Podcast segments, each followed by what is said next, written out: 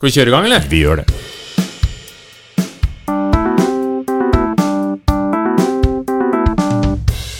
Den gang da. Hei, hei, hei, og velkommen til Den gang da. Vi sitter eh, fortsatt og diskuterer filosofi. Hvis du hører på denne episoden, så antar jeg at du kanskje har hørt de to eh, foregående, som handler om antikkens filosofi og middelalderfilosofi. Eh, vi avsluttet jo sist med Descartes. Gjorde du ikke det? Det, jo, jeg husker ikke vi, vi var langt inn i en filosofisk diskusjon, og jeg tror vi stoppa der. Ja. Men vi gjorde det. Og vi, vi, det, det bruker, vi bruker litt tid på dette, her, så vi, vi har uh, landa på at det blir tre episoder. Og det forhåpentligvis syns dere er greit. I dag så skal vi jo inn litt mer moderne filosofi og grunnlaget for det moderne samfunnet. Og vi begynner jo da øh, på, i opplysningstiden, tenker jeg. Ja. Fordi er det en eh, tid hvor det er populært å sitte og tenke og reflektere og vurdere og tenke på hva som er viktig og hva som er riktig og hva som er galt, så er det jo opplysningstiden. Det er jo det. Det er en periode for store politiske omveltninger og sosiale og filosofiske endringer. Ja, for det er, jo ikke, det, er jo ikke mange, det er jo ikke mange historiske perioder hvor altså, filosofene er superstjernene. Nei, Nei sant? det er det ikke. Nei, men det er jo litt sånn fra opplysningstiden, og Ja. ut så er jo filosofene er de store navnene. Det er de man har uh, tatt med seg videre, og de man gjerne snakker om og diskuterer. Og har jo mye historieundervisning og sånn. Det er liksom noe av likheten mellom antikken og, og opplysningstida. Hva, ja, hva er, man- hva er det man uh, filosoferte om i opplysningstiden, da? Det er mye forskjellig. Uh, vi, vi, det, er, det er typisk sånn punkt hvor man skal name-droppe de viktigste, kanskje. Uh, jeg, jeg tenker Voltaire. At eh, Voltaire og, og tanken om eh, frihet og ytringsfrihet er jo noe som er grunnleggende for eh, vår moderne tid, og som kommer fra, fra denne tiden. Ja, for det er jo, altså Politisk filosofi er jo veldig veldig populært på den tiden. Det, er en, sånn- det er jo en tid hvor også naturvitenskapen får en enorm vekst. og sant, Fra Newton osv. Så, videre, så er det jo veldig mye fokus på naturvitenskap og samling av kunnskap. Men så er jo også den politiske filosofien veldig mm. viktig. Eh, hva er egentlig politisk filosofi, da? Det handler jo om hvordan man ønsker å styre et samfunn. Ehm, om hvordan man skal eh, forvalte makt. eh, hvordan man skal eh, oppnå et samfunn som føles rettferdig for flest. Og det er jo relativt radikale tanker. Er ikke, altså vi, vi går jo ut fra en periode som kalles enevelde. eh, I hvert fall hvis man skal ta, skal ta fransk historie. eh, som mange av, de, mange av opplysningsfilosofene er jo franske, eh, som vi skal høre snart. Men, men eh, eh, det var et ønske om et samfunn som var mer rettferdig på ja, Kan diskuteres for hvem, da. For det var ikke alle som var tiltenkt en eh, rolle i et eh, moderne opplysningsfilosofisk samfunn heller. Det var fortrinnsvis menn med utdanning, men, eh, men i hvert fall flere, eh, flere til å diskutere hva politikk var, da, enn en eneveldig konge. Ja, men så har du jo også de tidlige opplysningsfilosofene, f.eks. Thomas Hobbes, da, som ikke går mot eneveldet, men som sikter seg inn mot et såkalt opplyst enevelde, der du har en hersker på toppen, men som, men som bruker sin eneveldige makt på en god måte, og også eh, sørger for en, eh, en balanse i samfunnet, da, der man gir fra seg visse um, friheter for å få en trygghet tilbake. Mm, for det er jo Altså Filosofien har jo mange oppgaver, men én ting er jo å forklare ting sånn som det er, og en annen ting er å prøve å finne ut hvordan det bør være. Og Hobbes er jo en som på en måte prøver å se hvordan er det. Og han lander vel på at mennesket i utgangspunktet har en naturlig driv til å overleve, og en slags naturtilstand der hvor det er alles kamp mot alle. Og i, hvis det får fritt spillerom, et slags anark, eh, anarkistisk samfunn, så vil det jo gå gærent. Så han opplever jo da at det er mest naturlig at det er noen som tar kontroll og styrer.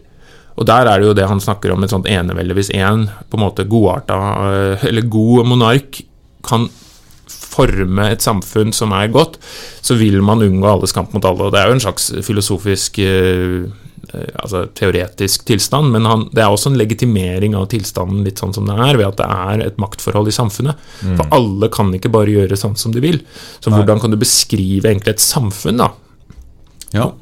Eh, Jeg, jeg bare tenker på, jeg dveler litt med den der opplyste eneveldetanken. Altså det at en, en, en god monark, eller en god despot, som det jo mange tilfeller altså en som har veldig mye makt, som skal forvalte den på en god måte, det, det høres som helt umulig ut. Ja, Ja, Altså, kanskje det gjør det. Jeg vet ikke. Det er jo den ansvarliggjøringen, da. Det er jo det som er demokratiets kanskje store styrke. At man er ansvarliggjort hvert fjerde år, eller hvor ofte det er. eh, og en eneveldig hersker ikke nødvendigvis blir det. Men i et representativt demokrati så er det jo også en oppgivelse av makt. Altså Man sier jo egentlig at de kan gjøre litt som de vil, i hvert fall den perioden de er valgt for, men man holdes jo ansvarlig. Eh, Men Hobbes er jo tigeren, er ikke? Ja, ja, i uh, Calvin Hobbes. Ja. Ja. For, for de som er 90-tallsreferansen i orden, så er det eh, til dere. Ja, Vet dagens ungdom om Tommy og tigeren? Et neppe. Ja, fordi Kommer vi inn på Tommy og tigeren når det kommer til moderne filosofi, forresten? Det, det bør man absolutt uh, gjøre, for det det er jo det er mye filosofi i Tommy og Tigeren. Ja, det er veldig mye. Ja. Eh, Så Hobbes er jo en viktig opplysningskilde. Du nevner jo Voltaire. Han er jo opptatt av eh, både religionsfrihet og ytringsfrihet, og det er jo for oss kanskje noe som er naturlig og selvsagt, men det er jo viktig å poengtere at i denne tiden så er det jo ikke det, men han klarte jo å reflektere seg fram til at det er lurt. Ja. Og Voltaire er jo også fascinerende, fordi han var jo på mange måter en superstjerne på den tiden. Han sendte brev med kongelige og Katarina den store, og han var liksom Jeg, ser for meg at han var, eh, han var et stykke. At han, var liksom en som eh, var the whole lot. Altså en som hadde veldig mye. Jeg, jeg veit ikke hva slags eh, hva slags fysiske attributter Voltaire hadde. Om han var, eh, var han en hunk? Men jeg ser, liksom, jeg ser på meg at han var det. For han, eh, Ja, jeg har sett bilde av han. Han er en kjekk fyr. Han, Ser- altså. kjekk, han, jeg Eller ikke bilde, av maleriet. Altså, ja, ja, ja. Jeg har sett bilde av et maleri, Ja, faktisk. er faktisk akkurat det jeg har gjort. på Maleri, eller kanskje til og med bilde av et kobberstikk av et maleri. Men, det er, men de, de er jo de er helt like som alle andre. Relativt, de har høye kraver og ja, og relativt feminiserte bilder, men det var sånn, det var maskulint på 1700-tallet, så det er greit nok. Men Men var det ikke Voltaire som på, på dødsleiet hadde jevnlig besøk av liksom folk som sto rundt og titta på det? For, eh, altså som, fordi han var rett og slett nå, nå må vi få et siste glimt av Voltaire før han, før han forsvinner. Stemmer det? det vet jeg ikke, jeg var ikke der. Jeg har en, jeg har en eh, vag kildeerindring om at det var sånn. Eh, Jeg kan jo arresteres av eventuelle lyttere, da. Men, eh, men det sier jo kanskje litt om hva slags popularitet han hadde. Ja, for det var en tid også der hvor ideer og realitet uh, krasja litt. Fordi Nettopp fordi filosofien blir så viktig. Det blir distribuert bøker, folk begynner å lese mer, man har eh, mulighet til å trykke bøker. Eh, noen mener jo også at eh, altså kakao- og kafésalonger har en viktig rolle, hvor man kan sitte og diskutere. Sitte og ja, rett og slett filosofere. da, så. Opplysningssiden er jo en sånn enorm altså får man en enorm vekst i liksom den hva skal jeg si, filosofiske danna samtalen. Som jo ender i fransk revolusjon og ja, alt det der. Vi skal ikke gå mer inn på det, for det har vi jo snakket om tidligere. Men opplysningstiden som en filosofisk tid er jo viktig å få, få med seg. Vi kan jo nevne, vi kan jo nevne ett eh, navn til, da, hvis eh, dere ikke hadde mer om eh, Voltaire akkurat nå. Nei. Montesquieu er jo kanskje verdt Ja. å ta med seg som, eh, som faren for maktfordelingsprinsippet. maktfordelingsprinsippet. Som jo er evig aktuelt. Altså, eh, la oss bruke en parallell til eh, USA, som er, eh, som er mye av nyhetsbildet nå i disse eh, post-Trump-tider. Det handler om maktfordeling, at man skal kunne holde hverandre i sjakk. Ved at én av partene i et maktforhold ikke skal bli for sterk. Og i USA har man jo eh, et system som er basert på det. At man har det som kalles checks and balances. Altså at man kan så at Senatet og Kongressen og presidenten ikke hver for seg skal kunne bestemme over de andre i stor grad. Nei. Det er jo også litt fascinerende hvordan man igjen trekker eh, linjer til da antikken. Ikke sant? Med maktfordeling og tankene om ikke sant? Senatet, bare navnet, Ja. ligger jo ikke sant? fra Ja, ja, ja, Romerriket. ja, ja, ja. Ikke sant? Og eh, dette var noe eh, The Founding Fathers selvfølgelig var klar over da de skrev Grunnloven. Men, men, men maktfordeling handler jo om at et samfunn også skal være um, basert på rettferdig makt. At man ikke skal kunne få for mye makt og dermed misbruke makten. Det er jo det man er redd for. Um, uh, og maktfordelingsprinsippet er da et poeng fra Montesquieu som, som skal forsøke å forhindre det. Ja, fordi det er jo, hvis du tenker opplysningstidens eh, Altså mye av det filosofiske, politiske eh, Altså Utgangspunktet er jo hvordan skal man forene dette med makt og befolkningen som ikke nødvendigvis veit sitt eget beste. da. Hvordan skal du forene makt og frihet? Kontroll og selvstendighet.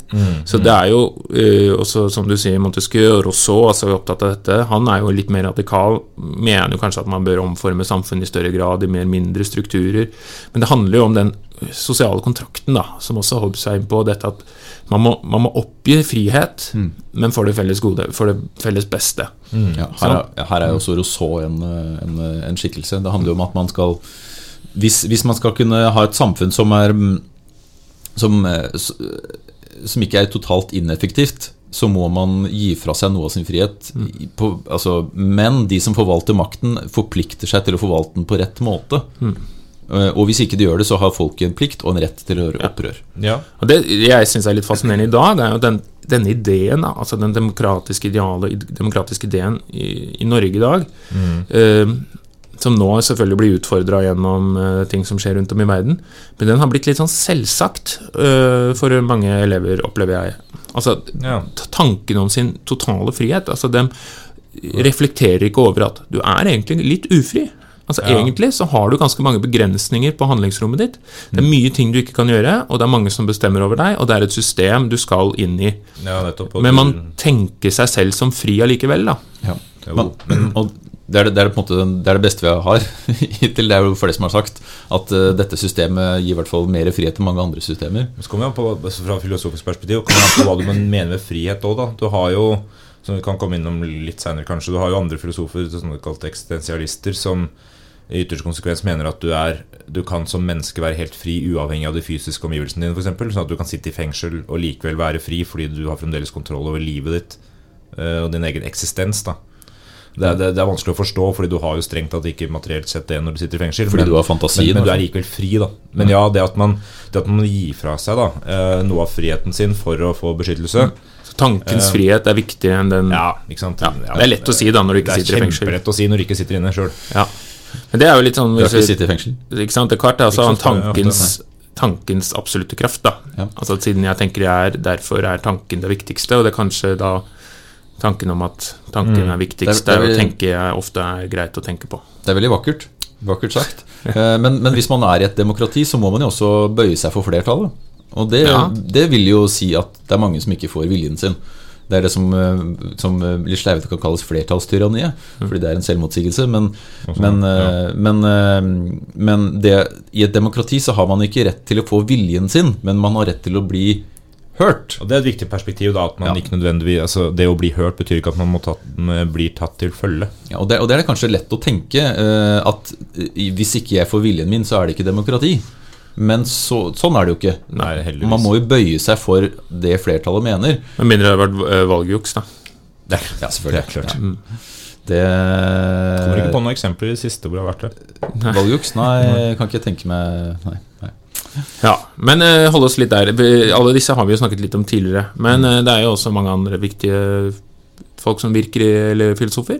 Uh, Kant er jo en som Ja. Immanuel Kant har vi vel ikke snakket om tidligere, så han er jo verdt å nevne. For han er jo en viktig filosof, er han ikke det? Ja, og han, og han beveger seg jo litt sånn utafor den rene politiske filosofien. da Han har ideer selvfølgelig om alt, men han beveger seg utafor den si, den typiske opplysningsfilosofien og snakker mer om andre ting. ikke sant? Og han, og han er kanskje mest opptatt, mest kjent for sånn i senere tid eh, etikken sin og synet på kunnskap, hvordan vi kan tilegne oss kunnskap, og de her henger litt sammen. da?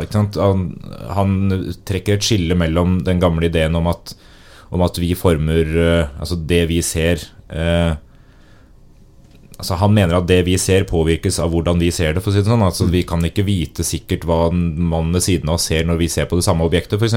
Ja, fordi vi- vi- Den klassiske filosofiske Ja. tanken om at er din rødfarge den samme som min? Ja, ikke sant? Og Kant er veldig foregangsmann innenfor dette her, og møtt eh, både motstand og støtte på de tankene seinere. Men at vi ikke kan observere noe som helst objektivt. da Ikke sant?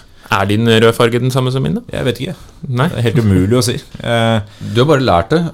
Og det, dette her, Jeg veit ikke om man kan være så ond som å eksperimentere med sine barn, men man kan jo forsøke å lære dem feil farge og se hvor lang tid det tar før de legger merke til at det ikke stemmer. Ja, det har jeg gjort. spesielt. Hørte? Veldig spesielt. Veldig det er spesielt. Ja. Det, det er kanskje ondskap, det. det er sånn det er. Eksperimentere med barna sine er, er, rent frarådet, har jeg hørt. Ja, det er ikke lov. Også, også med farger. Ja. Men det, men det han, eh, han gjør, da er at han prøver da å bruke fornuften. Eh, I motsetning til vi, hvis vi eksperimenterer med barna våre, eh, så prøver han å bruke for, Han hadde ikke barn, Kant, da. Til å bruke fornuften til å forstå de subjektive observasjonene som vi gjør. Så da kombinerer han på en måte observasjonsfilosofien, altså empiri, med, med med den eh, hva skal man kalle det, rasjonalismen, altså det å bare logisk tenke seg fram til noe. Han kombinerer de to. Og det er det her som også er grunnlaget for etikken hans.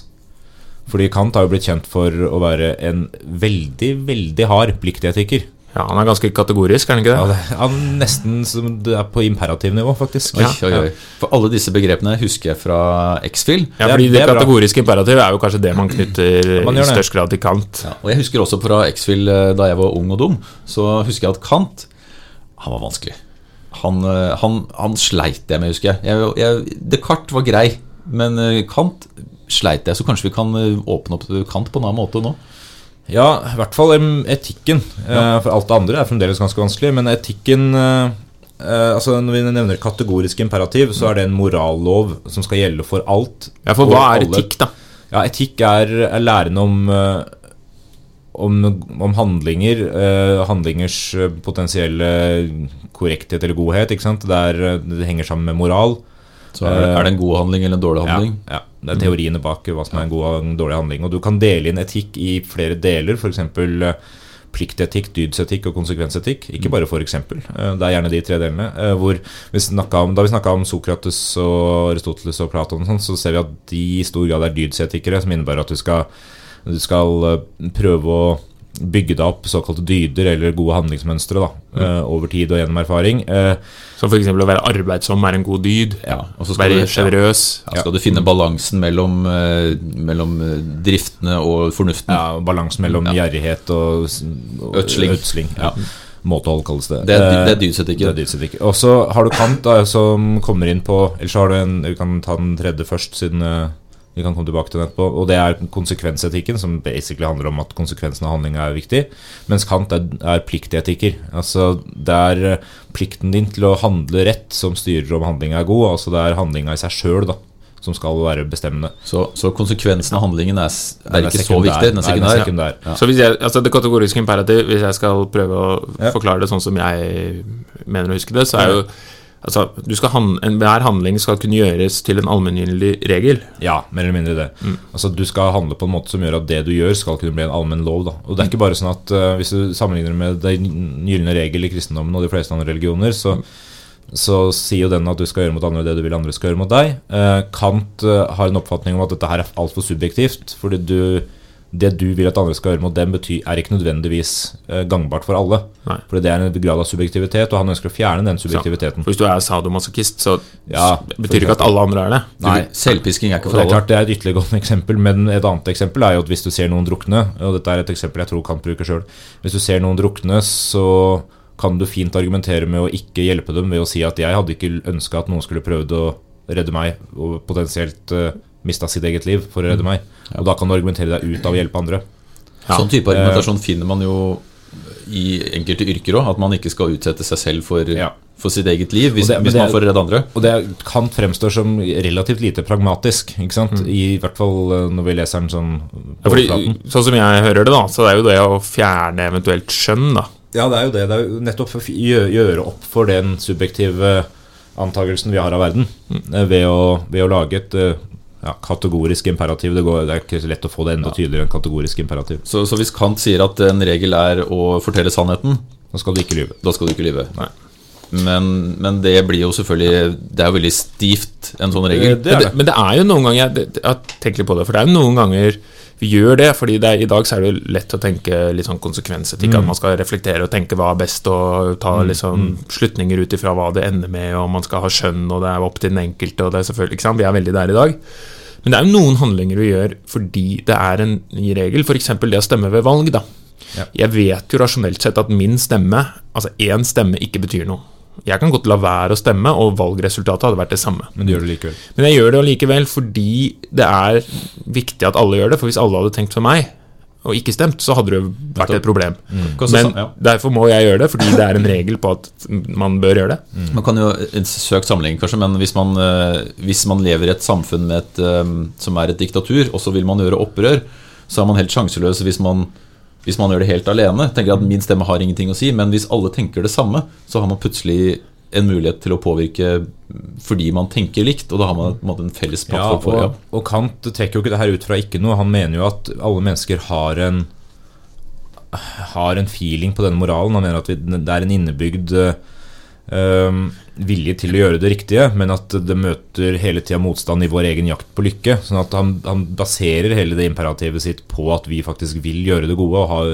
ønsker å måtte, bruke den gode viljen da, eh, som grunnlag for alt som anses som godt, eh, men at vi trenger litt hjelp da, av, et, av en regel. Og Det er jo litt det samme som at lovverk de fleste lovverk i et samfunn ikke egentlig går på bekost, altså det går ikke på kryss eller bekostning av menneskenes idé om hva som er riktig og galt. De bare hjelper oss, de guider oss til å gjøre det. Og så er vi innimellom går oss vill, da. Og Da er det viktig, og da kan vi jo trekke fram dette et sånn kjent filosofisk eksempel, togførereksempelet. Det er klassisk kant. eh? Hvis, du, hvis du sitter i et tog eh, og i full fart, og så er det en sånn spordeler, og på den skinna du er på, så er det én person som står i veien. Ikke sant? Uh, hvis jeg husker det. La oss si at han ligger og sover, da. Ja, la oss eller det sitter en person ikke sant, sitter Ja. fast på toget. Hvis du ikke gjør Nei, eh, nei sorry, fem personer på den du er på. Eh, men i ved spordeleren, hvis du drar i en spak og du aktiviserer den, da går du på et sidespor, og der er det bare én. Så ikke sant? hvis du fortsetter å kjøre, ikke gjør noen ting, så kjører du på fem stykker. Fem stykker dør, da. Som man ofte gjør når man blir påkjørt av tog. Men hvis du drar i spaken og spordeleren eh, skiller, så er det bare én. Så Ifølge Kant sånn kan man jo hevde da at nei, du bør ikke dra i spaken, for da gjør du et aktivt valg som tar livet av et menneske. Men hvis du unngår å handle, så ja, det dør fem, men du har ikke gjort en handling som påfører Altså som tar livet av en annen. Men hvis du drar i spaken, så ender du opp med å ta livet av en person. Den gang da. Men det spørs også hva slags moral du mener er viktigst. Så, Ja. så hvis, måtte, hvis, hvis plikten er å spare flest mulig liv, så vil det være riktig å dra i spaken. Ikke sant? For da er vi over på neste type etisk eh, tankegang, da. Altså konsekvensetikk. eh, Det at det er bedre at én dør enn at fem dør. Ja, nettopp. Ikke sant? Og Det høres jo er, veldig, høres veldig enkelt ut. ja, og hvem er det som kom opp med den ideen? Du tenker på Jeremy Bentham? Ja, nå leder jeg dere inn. Hvem er det? Al- Alltid redd for å ta feil av han og broren hans. Ja, det er ikke jeg. Nei, for, for det, Som jeg aldri husker hva heter. Men Bentham Samuel det er Hvordan i all verden er du redd for å ta feil av Hvis jeg bare sier hvis du ikke Bentham. husker? Så går det. Men eh, Fascinerende broren hans òg, forresten. Han er oppfinner, eh, kompis med, med Potemkin. Styrte masse, gjorde masse. Spennende liv. Så er det broren vi fokuserer på. Det er broren vi fokuserer på, for han eh, tenkte mer og skrev ned mer. Det er omtrent som at kona til Eller jeg vet ikke om han tenkte mer, men han har i hvert fall skrevet ned ting som vi skal diskutere i dag. Det er litt som at kona til George Clooney er menneskerettsforkjemper og advokat Hvor er FN og alt mulig greier, men det er George Clooney vi vet hvem er. ja, hun er bare kona til George. Clooney. Ja? Ganske morsomt. Men Bentham er jo konsekvensetiker, ehm, og han er på en måte på andre siden av Kant. da Ja. han, han ser på Altså Moralen bak handlingen er sekundær, hvis vi skal bruke samme begrepet. Hvis man skal sammenligne med hva konsekvensen av handlingen er. Så hvis du ljuger, slåss, er voldelig, men oppnår noe godt med det, så er konsekvensen det viktigste. Eh, og da er man jo ikke det, altså problemet, eller Fordelen med det, da, eh, eller problemet, er at man kan eh, vurdere hver handling eller hver situasjon ut ifra seg selv. Altså man, man må ta et aktivt valg for hver situasjon. Mm. man, det er vanskelig å lage en regel på forhånd som dekker alle mulige situasjoner. Derfor må man heller se på konsekvensen i den gitte konkrete situasjonen for Ja. hva, som er, hva som er riktig. Og det er jo alltid lett å avgjøre. Kjempelett. Kjempelett. Ja, fordi Det er jo litt problemet med den type tankegangen. da, er jo at Det er jo ikke lett å vite Hva om den ene personen hadde funnet eh, løsningen på kreftgåten? Ja, ikke sant. Ikke sant? Eh, Hva om eh, de fem personene som du velger å unngå, er voldtektsmenn og kriminelle som kommer til å få Ikke sant? Så det er, det er jo der problemet med den ligger. Og det er jo faktisk altså, den, type, den type filosofi blir jo brukt aktivt. Hvis du tenker bare på Hvis du trekker et historisk eksempel, da. eh, Atombomben og, og bruken av atombomben i Hiroshima og Nagasaki. Altså hvor man gjør noe som helt objektivt nærmest kan ses på som helt forferdelig. Altså slippe en atombombe over byer og utslette en hel by og eh, tusenvis av mennesker. Men man gjør det fordi man mener at det tjener a greater good. Da, ikke sant? Vi gjør det, vi dreper mange for å redde flere. flere. Ja. Og, og, da, og da setter man også, eh, hvis man skal ta amerikanerisk perspektiv, da, man setter jo også amerikanske liv foran japanske liv. Fordi man tar Men det gjør man jo gjerne i krig. Ja, ikke sant? Man, man ser jo på man, Det er jo fiendebildet. Ja. Men, men hvis man skal tenke liksom sånn fellesmenneskelig, så er det jo øh, Så blir kanskje spørsmålet eller svaret et annet. Ja, men, nei, det er klart. Men, øh, Men det er ikke ensidig riktig bare fordi man gjør det. Nei, ikke sant? Men, Men amerikanere så var det en, en, Ja. en løsning på et problem. Mhm. Skal vi bruke eh, lengre tid og tape flere amerikanske liv, eller skal vi ta livet av mm, noen hundre tusen japanere og ende krigen neste uke? Ja. Men det er jo verdt å reflektere om det var en eh, riktig handling eller ei. Ja, og til og med amerikanere har jo vært ute og snakka om det seinere og sagt at det ikke er ensidig enkelt å svare på at det var rett å gjøre. Og, og Eh, også, Du kan jo faktisk bruke det samme argumentet med konsekvensetikk for at det Hitler gjorde, var riktig òg. Fordi konsekvensene for, altså Fra Hitlers eget perspektiv så vil jo konsekvensen av å kvitte seg med jødene gjøre, og andre eh, han ville kvitte seg med, eh, gjøre det bedre for tyskere å, å vokse opp. Fordi man hadde Eh, en eh, hadde- ja, konspirasjonsteori om at jødene Ja. var eh, årsaken til ondskapen. Nettopp, ikke sant? Og da fra det perspektivet, filosofiske perspektivet til Hitler, Mm. så ender det opp med at det er en konsekvensetisk riktig handling. Kan sier si at det er pliktetisk riktig handling, og det er det jo også flere av Hitlers ansatte for å kalle det det, i systemet som argumenterte for i sine egne rettssaker, at de fulgte Hitler fra et pliktetisk perspektiv. Ikke sant? De, det, var, det var regelen. Ja, det, og, det, og da er det en regel som du skal følge. Så Men- men- man ser jo problemet her, da, at det, det også handler om perspektivet. Men heldigvis, når vi skal vurdere sånne vanlige hverdagslige filosofiske, etiske problemer, så For dere har ikke noe atomkoffert? Nei, vi har ikke det, men da trenger vi jo ikke å velge om vi skal forholde oss til pliktetikk eller konsekvensetikk eller dydsetikk. Vi bare tar en handling, og så tror jeg vi har alle disse perspektivene inn i bildet. Ja, For vi gjør jo moralske valg hver dag, vi Hele tida. Mm Gjør umoralske valg òg? Men jeg men jeg, jeg tenkte på det der når du nevner eh, den eh, jernbaneanalogien der. Eh, så, så har det vært et par sånne ulykker på, i Sjursøy- Sjursøya, Oslo. I 1981 var det en, og i 2010 var det en, der, der noen togvogner spora av og dro nedover i løpsk eh, tilstand.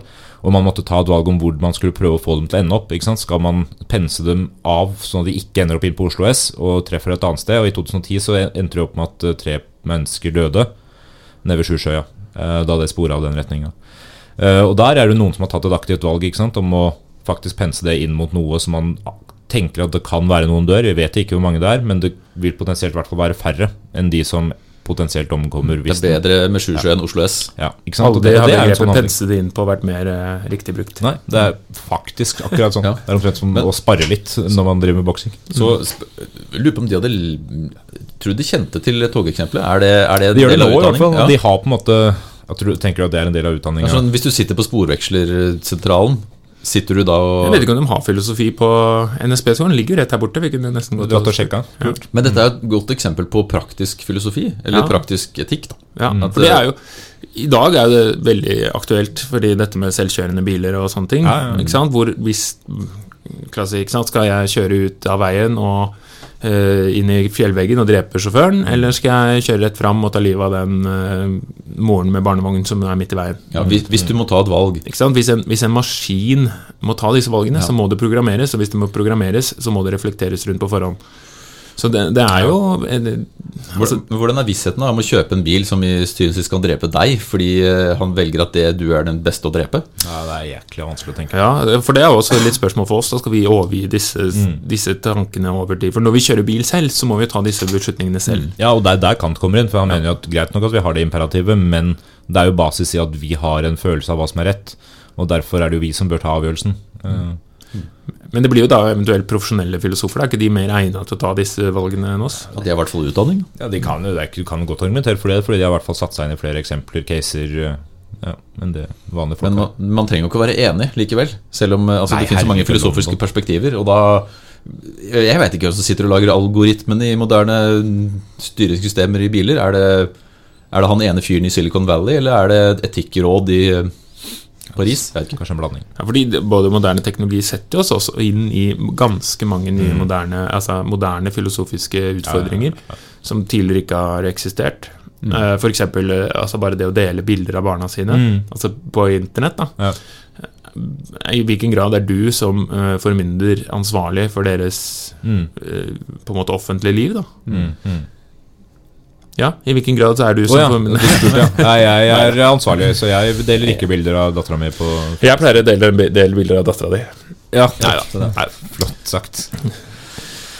Eh, nei, jeg er jo ikke det. Men det, altså, både Kant og Bentham er jo liksom på 1700-tallet. Ja. Eh, Kant dør vel i 1804, stemmer det? Ja. Stemmer. Veldig bra. Bentham dør i 1820 et eller annet. Ja. uh, 1832. så vi er liksom i- Helt på slutten av 20-tallet. Vi skviser oss ut av opplysningstiden. Hva er det man reflekterer og diskuterer og filosoferer om videre da? Nei, altså, Som alt annet, da når man snakker om historier, idéhistorier, et eller annet, så er det jo, er det jo sånn at hver tid har kjempemange strømninger. Og 1800-tallet 1900-tallet har så mange strømninger, så her må vi bare velge noe vi liker. Ja. Og det jeg liker, i hvert fall, ja. så snakker jeg for alle tre, det jeg liker, er forholdet mellom liksom, essens og eksistens. Den, den eh, filosofiske diskusjonen som har pågått rundt hvorvidt vi mennesker er født til noe, eller om vi eh, kan forme vår egen virkelighet og velge. Ja. Dette her er litt i tråd med det vi snakka om eh, i forrige episode, tror jeg, da vi snakka om Luther og predestinasjonslære og sånn. ikke sant? Er vi født til å oppnå frelse, eller er vi født, født til å havne i helvete? Og, Um, ja, og dette er jo også en del av det store spørsmålet om hva er meningen? Ja. Hvorfor er vi her? Hva er meningen med livet? Det Ja. klassiske filosofiske spørsmålet. Hva er, ja. hva er meningen med ditt liv, Henning? Uh, Meninga med, med mitt liv er Åh, det var et godt poeng. Jeg, Trening. jeg, jeg, nei, lite mening, egentlig, når du sier det. det jeg har ikke så mye mening, jeg. Det ble tungt fort. dette. Det ble Det er veldig tungt, ja. Nei da. Meningen med livet, det er vanskelig, da. Det er vel eh, ikke så mye mer enn å prøve å ta dag til dag. Men eh, jeg vet ikke. Men har du følelsen Har kanskje filosofene har noe bedre svar, Hans? de, de, de har noen svar, i hvert fall. Men, men liksom, har, du, har du en følelse av at du, at, eh, at du velger ditt eget liv? Eller har du følelsen av at livet bestemmer over deg? Ja, det er, det er spennende spørsmål, for det er jo både og. Jeg har jo en viss uh, idé om at jeg tar aktive valg, men samtidig så føler man seg jo en og Det kan jo være sosiale strukturer og en slags ø, At man presses inn i en mal, og man er jo underlagt samfunnet og regler og normer og skikker og tradisjoner og, og sånne ting. Eh, samtidig som man har jo biologiske behov som man prøver å oppfylle. Både det å spise og reprodusere seg og alt det man gjør. Eh, men eh, nå som jeg har fått barn, så jeg, har jeg ikke lenger kontroll over eget liv. Nei. Så, men du har tatt et valg om å få barn, kanskje? Ja, Hvem vet? Ja, ja. Ja. Eh, Men, eh, men, apropos, men apropos, det å ta valg, da vil jeg snakke litt om kirkegårdet. Er det, er det ok? Søren Kirkegård. Søren kirkegård, ja, ja. ikke kirkegården, liksom. Nei, nei, Jeg har også hørt uttalen Søren Kjerkegård en del. Kjerkegård, Det er jovialt. Kjerkegård? Ja, han er jo dansk. Kjerkegård. Kjerkegård. Kjerkegård. Men Men, han Søren er jo- Kjerkegård. Årstall, Gravlund. jeg har årstallet 1813 til 55, ble ikke så gammel. Eh, og Nei, han ble ikke gammel. Ja, jeg har notert meg at jeg, jeg ser på han som en trist, alvorlig mann. Ja. Det er, så, det er, det er følelsen jeg har av Kirkegård. En tynn, ung, alvorlig mann. han, er, han er oppvokst i en religiøs familie og får uh, Har et veldig sånn uh, Han ser på religion som noe veldig alvorlig Ja. og veldig, veldig tyngende eh, for Kirkegård, stakkar. Eh, eh, og han, han er opptatt av valg og hvordan man skal ta valg for å bli et ekte menneske. Eh, og Kiko bruker eh, et begrep som kalles spissborger, og det er en som ikke tar valg. Og han ser det som et stadie, altså et menneske kan utvikle seg i stadier, og spissborgeren er på en måte nederst. Det er mennesker som bare flyter med, som ikke tar valg. Og så har du stadie nummer to, som kalles estetikeren. Altså det er når spissborgeren forsøker å forholde seg til seg selv, men forsøker å flykte fra det samtidig. Altså, ja, greit, jeg, jeg fins, jeg er et menneske, men jeg vil ikke forholde meg til det. Og så har du nummer tre, ironikeren. En som forsøker å akseptere seg selv. En, eh, altså steg nummer tre. Steg nummer fire, etikeren, når han fullt ut aksepterer hvem han er. Man er ansvarlig, men da vil man også få angst, fordi man mangler mening i tilværelsen, mener Kirkegaard. Altså Hvis man først aksepterer seg selv, ja, jeg skal gjøre, jeg skal leve riktig, jeg skal gjøre alt rett, men da mangler man mening. Og meningen finner man først på stadiet fem, som er det siste, og det er det religiøse stadiet. Så Kirkegaard ender liksom opp med at religionen er svaret på meningen med livet. Man lever for noe større. Um, men, eh, men det må, det må ta, ta aktive valg er for han da sentralt, eller en, en, en viktig del av det å være et ekte menneske. For det er der eksistensen ligger. ikke sant? Du har ikke noe essens i seg sjøl. Du, du må velge. Du må velge. Hvis du bare lever og flyter med, så er du bare ja, et, et mindreverdig menneske. En spissborger, som Kirkegaard kaller det. da. Jeg vet ikke helt hvor det begrepet kommer fra, men eh, det er, det er i hvert fall en, en borger i mengden. da En som bare forsvinner. En Ja, som ikke ja. utmerker seg. Så jeg vet ikke Passer det på dere? Nei, jeg, jeg smakt Jeg sliter med å gjøre ting uten ironisk distanse. Jeg, jeg, jeg er på nivå tre. Jeg føler at jeg er på nivå tre. Jeg, Ja, forsøker å akseptere meg selv, men jeg, ironiserer Det bort. ja, nei, du, er man, det er mange nok som er der. Altså, noen ganger tar man veldig aktive valg, andre ganger ikke. Så er, jeg tror det er liksom Det er ikke enten-eller, for å bruke Kirkegårds egen uh, teksttittel. enten-eller. Men man er Man på en måte svever da litt, litt mellom, tror jeg. Ja. Det skal også- sies at eh, Kirkegård selv eh, Jeg sa at han var en trist, alvorlig mann. Han, han slet jo med Han slet litt med å finne balansen, kan, kan man si. da Han gifta seg blant annet, eh, men var, eh, det varte i ca. et år, det ekteskapet, fordi han var så bekymra for at han skulle klare å gjøre kona si, Regine, lykkelig. Og han eh, stilte henne vanskelige spørsmål om eh, er, det virkelig dette du vil. Og, Er vi lykkelige nå? Er vi lykkelige nå? Er du ikke sikker på at du vil skille deg fra meg? Og så skilte de seg, da. Så det er omtrent som han som ved middagsselskapet sier 'Jeg vet ikke med dere, men jeg har det hyggelig'. Ja. Det er ikke noe som legger en dempe på stemninga som så mye. Så mye. Nei. Ja, så Kirkegaard, eh, Spørsmålet om eh, valg syns jeg er interessant, men eh, det blir kanskje litt tyngende i, for meg, da, den type tankegang. Ja, kommer an på hvordan du ser det. Men ja, i hvert fall, i hvert fall sånn som Kirkegård formulerer det. Vi kan jo vi kan hoppe elegant over til en som ikke syns at religion var noe viktig i det hele tatt. Nei, for den var død, den. Den var død. ja. Hvem tenker jeg på? Friedrich Nietzsche. Nietzsche. Hvordan hvordan staver man det? N-I-E-T-Z-S-C-H-E. Oi, oi, oi. Han har øvd. Jeg er Ja. dritflink til å stave Nietzsche. Ja. Aner ikke hvordan du skal fornavnet. Friedrich. Er, er Gud død, eller? Ifølge Nietzsche så er Gud død. Men hva mente Nietzsche? Hva Gud mente han med at Gud er død? Um, for, for Nietzsche så, så er eh, religion ikke svaret på livet, enkelt sagt. Uh, uh, han mener at mennesket heller bør finne en mening i seg selv. Altså at mennesket i seg selv er godt nok, og livet på jorda er det man bør leve for. Eh, faren da, med et sånt liv er eh, det som eh, Nietzsche beskrev som nihilisme, altså meningsløshet. At når, når, du, når på en måte ingenting har mening, og det er det flere filosofer på 1800-tallet som tar i. Eh, Men hvis du på en måte forlater religionen og tenker nei, jeg, jeg tror ikke på religion, Gud er død, og på en måte skal finne meningen med deg selv, så er det veldig lett å havne i en slags nihilisme hvor man ikke finner den meningen.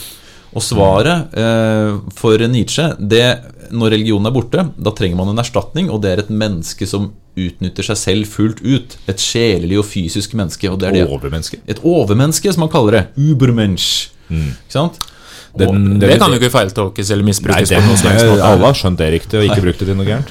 Altså Nietzsche var en uh, fyr med veldig stor bart, først og fremst. Eh, Det bodde, det bodde stær. bodde mye rekesalat og stær i barten hans. Men han, han, eh, han var uh, en fascinerende fyr som hadde mange talenter. Han var bl.a. komponist, Ja. skrev mye musikk, spilte piano og filosoferte. da. Og dette overmenneskekonseptet hans det huskes kanskje best eh, for dere som et konsept som nazistene bruker.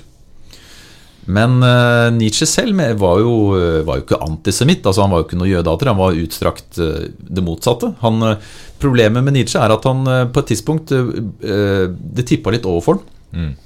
Eh, og søstera hans hun var ganske ihuga antisemitt. Og etter, etter Nietzsches død så så oppretter for det første søstera et slags, eh, et slags senter for Nietzsche, som for å minnes sin bror. Og så tilpasser hun også ideologien til å passe eh, noen strømninger på 20- og 30-tallet som vi kjenner som nazisme. Ja, det er ugreit, da. Det er ugreit. Eh, eh, Hun var også medlem av NSDAP, altså det nasjonalsosialistiske partiet som Hitler eh, stifter, og var også omgangsvenn med Hitler. Så det som skjer, er at Nietzsches filosofi om overmennesket det kombineres med Hitlers propaganda om raseteori. Sosialdarwinisme. Sosialdarwinisme, at det fins et, et menneske som er bedre enn alle andre, og det er den ariske rasen. Og, Ja. og motsatt, det finnes et undermenneske som er jødene. Og dette er ikke Nietzsches filosofi. Altså Overmennesket handler ikke om at man skal eh, sette ett menneske over et annet. Det handler om at man skal få det beste ut av seg selv. Egentlig litt sånn som dydsetikken til Aristoteles, strengt tatt. Det kan man si. Så, så Nietzsche huskes jo dessverre kan man si da, mer for, eh, for misbruk av hans filosofi. Ja, og at han drepte Gud, da. Han drepte han drepte Gud, det er klart. Ja. Men for, det, for å trekke over til Det blir jo litt sosiologien, da, men eh, Emil Dyrkheim er jo en, mm. en, en en sosiolog som virker på, også på slutten av 1800-tallet, og er, er jo en som også ser hvordan religionen har mistet mye av sin sosiale funksjon. Da.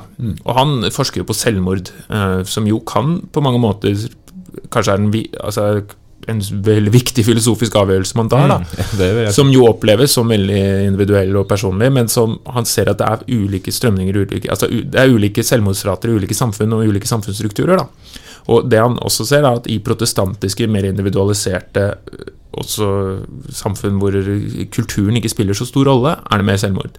Mm. Så i den grad at Gud er død, eh, som Nietzsche da påpeker, at man skal utfylle seg selv, så er jo ikke det alltid så lett, da, for å si det sånn. For det er jo vanskelig kanskje noen ganger å ha Og, og selv om Dyrkheim var eh, ikke var religiøs, så så, så så han behovet for den sosiale strukturen som religion tilbyr, og også meningsinnholdet som religion tilbyr. så, så det er jo sånn sett så vil jo det være vanskelig kanskje å bli ubermensch. Ja, og sånn ser vi jo også det, altså, Mange av de eh, filosofene og religionskritikerne som på 1800-tallet spådde at religionens tid var over, uh, har jo tatt feil. Eh, fordi den lever jo i beste velgående, bare litt andre former. Eh, men Ja, også i de samme formene, strengt tatt. Ja, Eh, altså det, det men reoppfinner seg sjøl stadig vekk da, i nye konstellasjoner, og det er fordi folk bruker det og trenger det for å, for å kanskje ikke bli denne menneskelige übermenschen, men i hvert fall finne mening med livet. Ja, fordi det er jo det, det, blir jo et voldsomt ansvar på individet hvis man skal finne meninga sjøl. Altså, religionen er jo en trygghet, hvis du skal se på det som et sosiologisk fenomen. Ja, da- så er religionen en- noe som skaper mening. Jeg lever for noe som er større enn meg selv. Dermed kan jeg handle ut ifra de reglene som religionen gir. Nietzsche mener at disse reglene bør man finne i seg selv og i naturen. At man, det, det er fullt mulig å skape et et moralsk samfunn uten å ta utgangspunkt i det han selv ser på som, eh, som eh, ovenfra-nedholdninger fra religionen, som på en måte skal presse regler ned på mennesket. Og Hvis vi skal trekke inn en fordi altså, Når det kommer til filosofi, så er jo også ideologi veldig viktig på 1800-tallet. Det er jo opprettelsen av det store? Industrialiseringen forandrer jo hele samfunnsstrukturen. Det er jo helt andre måter å leve på, det er helt andre måter å eksistere på. Og uh, man må også tenke hva er dette nye? Hva er det som former oss? Hva skal vi leve for? Hva skal vi leve, hvordan lever vi? Hva er det som styrer oss?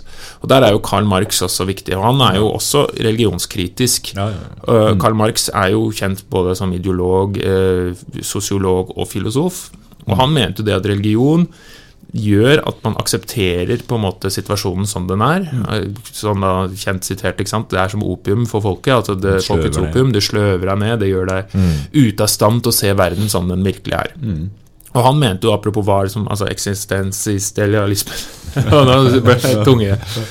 Ja, altså Om det er essens eller materielt, da. ikke sant? Altså. Hva er det viktigste? Så han mener jo det at det er, det er på en måte Produksjonsprosessen er egentlig det viktigste. altså Hvordan vi lager ting og industrielle kapitalismen er det som former måten vi tenker på. Måten vi tenker på er styrt av det samfunnsstrukturen og egentlig til syvende og sist produksjonen og fordelingen av goder. Og, at, og da i det moderne samfunnet så er det en tro på at ditt liv er bestemt av eh, av, altså på, Alle har muligheten til å gjøre det bra, men det er på en måte ditt eh, liv er jo styrt av dine tilfeldigheter. Mens i utgangspunktet mener markedet at nei, eh, vi kan heve oss over det. Vi kan se hvordan det virkelig er, og vi kan på en måte anerkjenne hvordan samfunnet ser ut. Og gjennom det han da klager å kalle klassebevissthet, da knytter det jo gjerne til arbeiderklassen og arbeiderbevegelsen, og at arbeiderklassen skal på en måte innse sin egen underdanige posisjon med sitt eget maktgrunnlag, og da vil et nytt og slags utopisk samfunn vokse fram. Sånn rent filosofisk så er jo det ganske Ja, ganske givende. Det blir jo brukt, selvfølgelig. Det blir jo marxisme og Ja, ja. kommunisme og sånn etter hvert. Men- Men, tanken om at vi kan gjennom å innse strukturene også forandre oss selv og samfunnet, da. Mm. Så det, det går an å trekke paralleller mellom Nietzsche og Marx her, men de er selvfølgelig veldig uenige når det gjelder til individnivået her. Ja. Fordi individet forsvinner kanskje litt hos Marx, mens det er Marx? Marx? Marx, Marx. Marx. Mens, mens det er hele poenget hos Nietzsche. At Ja. individet i seg selv skal være, virke på sitt beste. Men vi har jo en parallell her, da. Og kvinner. Eh, ikke kvinner. Vi har en parallell her uh, mellom eh, eksistensialismen og sosialismen. uh, hvis vi trekker det utover mot 1900-tallet. For en av de største filosofene i eksistensialistisk retning eller orientering eh, på 1900-tallet er, er eh, Jean-Paul Sartre. Og da er vi i Frankrike. Vi er, eh, han levde fra 1905 til 1980. eh, og etter andre verdenskrig, ja, rundt eh, 40-tallet, 50-tallet og 60-tallet, så var han ekstremt virksom i Frankrike, i en sånn kulturbevegelse sammen med bl.a. Simone de Beauvoir. Jeg klarer ikke å se, se for meg han alene. Jeg ser for meg bare han Bare sammen på på, kafé. kafé røykende med Lang de Beauvoir. sigarett og alkohol hele tida, Ja. sammen med Simone de Beauvoir. Sitter, sånt- Apropos eh, sånne mm, coffeeshops da, som du nevnte i stad, Henning, i opplysningsfilosofien, filosofien, eller så, sånne eh, eh, Nei, ikke coffeeshops. Ikke. Kafeer. Eh, Du, er, en globetrotter. Uklar på det norske navnet. Kafeteria.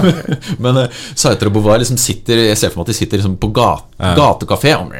70 cm At de sitter og snakker ja. Og ungdomsopprør. Og, ja, og de, de var jo begynt å bli voksne etter hvert, men, de, men de, eh, de er jo også inspirasjonen for mye av feministbevegelsen på 70-tallet, for ungdomsopprørene i 68 og sånn, eh, ser jeg for meg, fordi de de kombinerer altså De og nå mener Beauvoir og Sartre da De kombinerer ideene om, om eksistensialismen med sosialismen.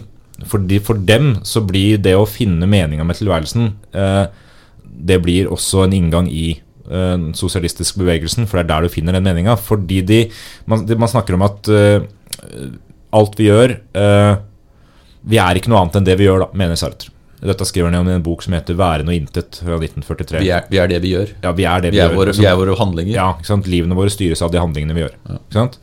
Og her har vi da det filosofiske spørsmålet som er pent stilt av en norsk forfatter som heter Pål Brekke. Ikke sant? Hvis eh, en morder eh, eh, Eller han, han som drepte på onsdag, var han en morder allerede på mandag? På en måte? Er, ligger det i essensen hans å være en drapsmann, eller blir han det først av handlinga? Det er ikke, ja. Og etterpå, når han er ferdig, er han fortsatt Ja, morder. ikke sant, når handlinga er utført. Men altså, dårlige handlinger hos Sartre kan da ikke unnskyldes fordi det er eh, det er det som bidrar til å gjøre oss til den vi er. Så vi kan ikke bare liksom si nei, dårlige handlinger det, det var, ikke- det var utafor min kontroll, for alt er innafor vår kontroll. da Eh, og han mener også at vi kan få denne angsten som Kirkegård snakker om, ut ifra en bevissthet rundt den eksistensielle friheten vår. Det at vi vet at vi har valgmuligheter uansett hva vi gjør, det gir oss en angstfølelse. Så når vi sier f.eks. at eh, man kan se for seg de, eh, Jeg hadde ikke noe valg, jeg måtte drepe ham, det var han eller meg. Så er det fremdeles et valg, fordi det var han eller meg. Ikke sant? Da velger du han. Du velger å drepe ham. Det er et valg du tar. Eh, eksistensiell angst kan du kjenne på når du har lavt blodsukker i butikken. Skal jeg velge marshmallows eller eh, bamsemums, liksom? Eh, og så er du ikke sikker, så ender du opp med kanskje begge deler, og da har du egentlig ikke tatt et valg. Eh, og det er en eksistensiell krise, da, strengt tatt. Små kriser. i Eh, små kriser. Men det, men det han snakker om, er, er en tre grader av eksistens. Og det er her han jobber seg inn i den sosialismen. Fordi du har eksistens eh, i seg som, som innebærer at du lever et liv uten å egentlig ta valg. Eh, du, du bare Som en spissborger, da. Ja, som en spissborger. ikke sant? Det er den parallellen. Du bare følger strømmen. ikke sant? Eh, og så har du eksistens for seg. Du realiserer deg gjennom eh, noen valg. Men så har du det ideelle, som er eksistens for andre. Der du også tar valg som til syvende og sist skal være godt for det felles gode. Ja. Så det skal være bra for deg og de rundt deg. Og det er her mange av eksistensialistene Konsekvensetisk. Ja, egentlig konsekvensetisk. Ja. En slags blanding av konsekvens og dyd. da Ja. fordi, fordi du også skal være et godt menneske. Da er du et fellesskapets menneske. Ja. Og vi må unngå selvbedraget gjennom å ta valg, for selvbedrag er det verste. Uh, å være i vond tro. Uh, du, du bedrar deg selv gjennom ikke ta de valgene du vet at du bør ta. Da, for vi har all den følelse av hvilket valg vi bør ta, vi bare tør ikke alltid å ta det. Ja, for det, det er jo litt sånn altså Når man sitter og drømmer og tenker hva, hvordan kunne livet mitt vært, så vil jo alle sitte og tenke at skulle bare solgt alt og Eller alle vil jo ikke tenke det, men man, man har jo drømmer om å bo på Ja. en stillehavsøy, eller om det er å bo på fjellet, eller Altså alle har jo drømmer om å forandre tilværelsen. Ja, og problemet med det Færre der, gjør det. Men, hele, men hele den ideen, hvis man liksom ser tilbake på livet sitt og tenker hvis jeg hadde gjort det, så Ja. er jo at da, da vil, Hvis du hadde gjort det, så ville du fremdeles kunne se tilbake på livet ditt og tenkt hvis jeg hadde gjort det, så Og det er jo ofte da egoist, valg- ja, egoistiske valg, da. Ja, det er jo det, men alle valg vil jo da være både riktig og feil, fordi du aldri vet konsekvensen av de andre valgene du ikke har tatt. Nei. Dette er noe Kirkegård tematiserer òg, som du blir fryktelig deprimert av å lese om det, men det handler jo om at du Uansett hvilke valg du tar, så, så står du igjen med noen muligheter som du ikke fikk eh, realisert, og du aner ikke hva det ville ført til. Så, du, så det er på et eller annet vis feil valg uansett. Et valg vil alltid føre til at det er noe du ikke velger. Så hvis, du, ja, så hvis du ser på Netflix, så kan du ikke se på HBO samtidig. Nei. Men det er jo også for å knytte opp mot sosialismen, ta valg, bør man da ta valg som er best for alle, i den forstand at du I hvert skal på en måte ofre deg selv, da, eller for fellesskapet? Nei, eh, fordi du, du, du blir vel ikke egentlig ofre deg selv så lenge du blir utfylle seg selv, Altså, kanskje? du, ja, fordi du må se deg selv i lys av fellesskapet. Da. Det er jo poenget. Du skal se deg selv, men ikke men, men ikke Du er på ikke nivå, isolert. Nei, ikke på nivå to, som at du tar valg som er bra for deg. Du må se det i lys av alt rundt deg, da, de sosiale forholdene osv. Men du er ikke bundet av dem nødvendigvis. Ikke sant? Det bevar kan dere jo høre mer om. Nå snakker jeg til lytterne, ikke til dere. eh, I episoden vår om feminisme Og kvinnehistorie. Eh, og kvinnehistorie. Jeg mener vi snakker om henne der. Vi Ja. bør ha gjort det. Ja. Eh, og for fellesskapets beste så tenker jeg det er greit at vi avslutter snart. Woo! Det er et aktivt valg. Ja, Det er valg. Før folk tar valg og slutter å ja lytte. jeg tar et valg. eh, fordi. Hans har undervisning snart, så vi må også Må jobbe litt også. vi må avslutte da. Ja. Så da sier jeg eh, takk for nå. Er dere fornøyd? Eh, det var filosofisk. Ja. Det er filosofert. Ja. Det er ja, men supert. Ha det bra. Ha det.